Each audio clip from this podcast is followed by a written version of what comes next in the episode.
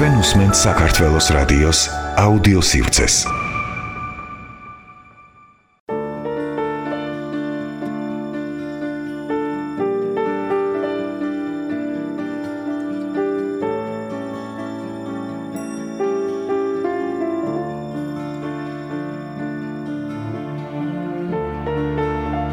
საქართველოს რადიოს აუდიო სივრცე გთავაზობთ.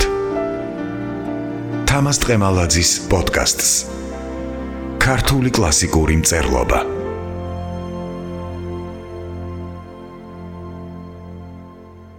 ათასრვასოცდათორმეტი წლისათვის როგორი იყო თბილისი ერთი სიტყვით გეტყვით ამას რაღაცნაირად ცენტრად ავიღეთ ჩვენ ეს შეთქმულება თორე იმის შემდეგ რამდენი რამე გავიდა კიდე რა იყო მაშინ თბილისი საფხულში ისეთი მტვერი იდგა, რომ ჩაიხშობოდა ადამიანი ამ მტვერში, ხოლო თუ გაწვიმდებოდა, კაციშვილი ვერ გაივლიდა ქუჩაში. ამ დროისათვის თბილისში ახლა პიონერთა სასახლეს რო ვეძახდით ჩვენ და ახალგაზრდობის სასახლე რო ქვია, ორი ფანარი იყო მანდა ზეთის ნათებაზე, ორი ფანარი და ერთი ფანარი იყო თავისუფლების მოედანზე, მაშინ ერქვა პასკევიჩ ერევანსკის მოედანზე და იქ ახლა სადაც არის ქალაქის საკრებულო შენობა, აი იმის წინ იყო ერთი პატარა მშვიდობის სანთელი, დანარჩენ ქუჩაში ვერ გაივლიდი, იმიტომ რომ ვიწრო ქუჩები იყო თბილისში, შეიძლება და სულ ცხვირით გეხათხუნებინა კედლებისათვის. არაფერი აბსოლუტურად არ ჩამდა.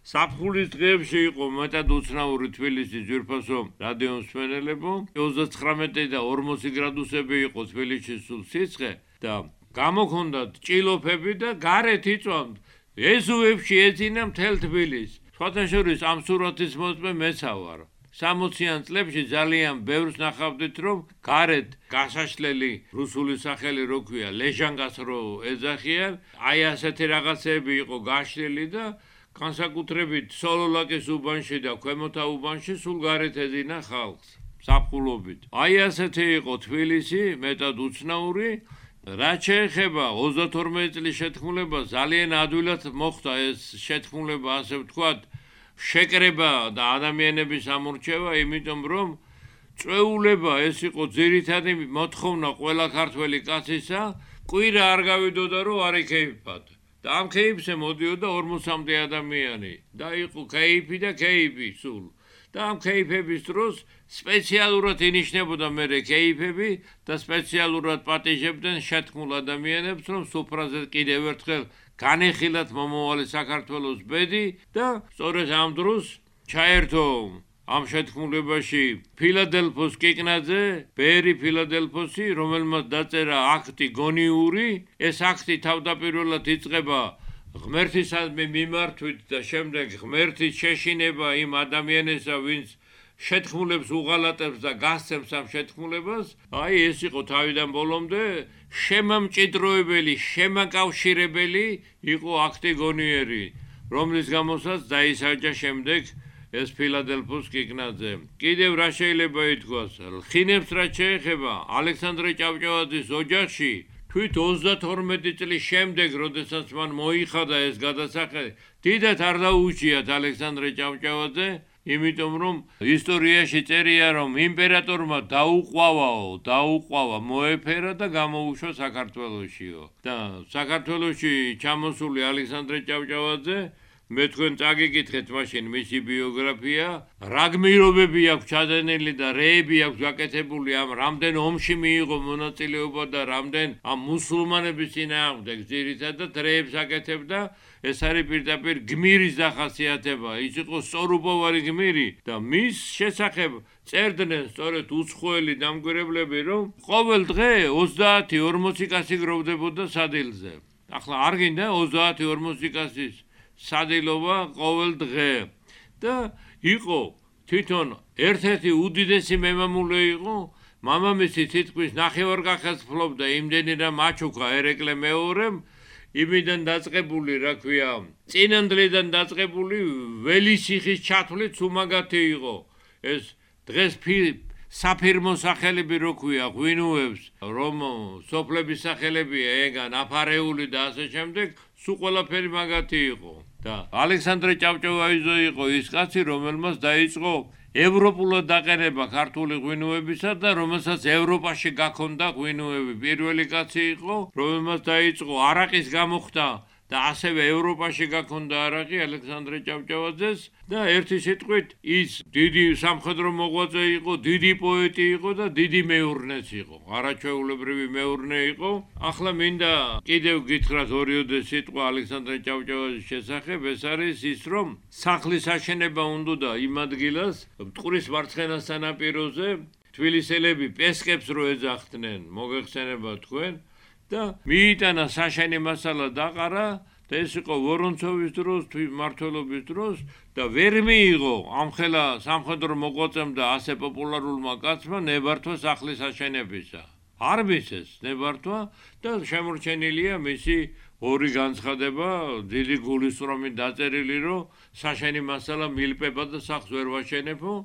ამის შემდეგ ალექსანდრე ჭავჭავაძე დაინტერესდა თვითონ დღეს რომ ალექსანდრე ჭავჭავაძის ქუჩა არის და რუსთაველი და რო აუხვევ პირველსავე შემოსახვევში ააშენა მან იქ ძალიან დიდი სახლი შოთაშორის პირველი შპალერი იხმარა ალექსანდრე ჭავჭავაძემ სახლზე თელს კავკასიაში არსად არისო და ეს შპალერი იყო ნაჩუქარი ეკატერინე მეორე იმპერატორისა როდესაც მამამის საჩუქა რა ასეთი საჩუქრები იწოდენ ხოლმე იმათ. დიდი სახლი იყო დიდი სათავსოები ქონდა შადრევნები ქონდა ამ სახლს და ამის შემდეგ რა თქმა უნდა დიდი სტუმრობა იმართებოდა და ამ სახლიდან გავიდა ალექსანდრე ჭავჭავაძე 1856 წელს აი სწორედ ამ სახლიდან გავიდა და ოპერის მოპედაპირე მხარეს ციგნის მაღაზია რო იყო ჩირაღდანი იმის ზემოთ მეორე თუ მესამე სართულიდან წყალი გადმოყვარა ვიღაცამ ეს ძველ თბილისში ჩვეულებრივი მოვლენა იყო დაფთხა ცხენი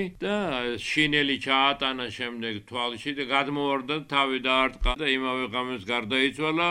უდიდესი პიროვნება უდიდესი ქართველი კაცი, ხოლო ეს სახლი, რომლიდანაც გამოვიდა, რა თქმა უნდა, დარჩა მის შვილს დავითს, რომელმაც შემდეგ 36000 ოქროსმანეთად გაყიდა ეს სახკარი, მიყიდა თავის ლათლი მამა სომეხს, ამ სომეხმა სხვა სომეხს მიყიდა, იმ სომეხმა სხვა სომეხს, სულ სომხების სახლი გახდა და ბოლოს მანდეყო თბილისის პროფკავშირების განყოფილება მაგ სახლში, ახლაც არის შემორჩენილი ნაწილობრივ ეს სახლი და თვითონ კი განისვენა განისვენებს დედის გვერდით შუამთის მონასტერში რომელ საფლავზე და საწ აწერია თუ ვინ იყო ალექსანდრე ჭავჭავაძე და შემდეგ აწერია ფსალმუნიდან წუხრისამ ულხინოს ტირილმა ხოლო ცისკრისამ სიხარულმაო ეს ფსალმუნიდან ამოღებული სიტყვები არის და ასე ყოფილა თურმე კაცმა არის ის თავისი ბედი. იქ მარხია მისი დედა მარიამი დიდებული ხალბატონი თურმე მარიამი უნდა დასაფლავებულიყო შუამთაში ხოლო პეტერბურგში ლავრაში ვასილის კუნძულზე მისი ქმარი გარსევანი.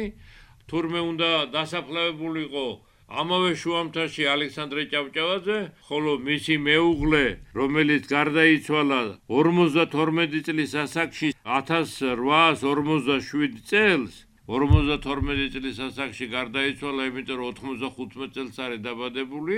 ის გარისვენებს თაწმინდაზე და ბარემ ახლა გეტყვით რომ ნინო ჭავჭავაძის შავი ჭირის შედეგად გარდაიცვალა ეს ულამაზესი ფერია და დედამისი ჩავმაჭირება იმ სხერფლა ასეთი რამ ხშირად ხდებოდა იმ დროინდელ საქართველოში ეს არის უდიდესი ინტერესის ოჯახი უდიდესი ინტერესის პიროვნება ალექსანდრე ჭავჭავაძე დაგვიდგება ჩვენ ქართველებს ისეთი დრო, რომ გადაიღებენ ფილმს ალექსანდრე ჭავჭავაძის ოჯახზე მრავალსერიან ფილმს, ამაზე უფრო დიდი, ამაზე უფრო საინტერესო იშვიათი რამე იქნება და თუ შემეძლება მე მაშინ შეიძლება მივიღო კიდევაც მონაწილეობა როგორც სცენარისტმა. ამით დავამთავროთ ალექსანდრე ჭავჭავაძეზე საუბარი, ჩვენ ვილაპარაკეთ მიათასედი ამდენ პიროვნებაზე მომავალ შეხვედრამდე.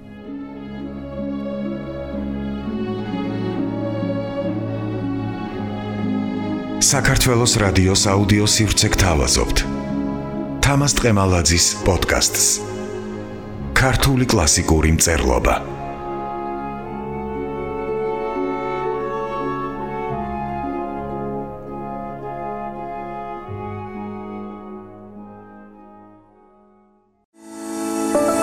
საქართველოს რადიოს აუდიო სივრცე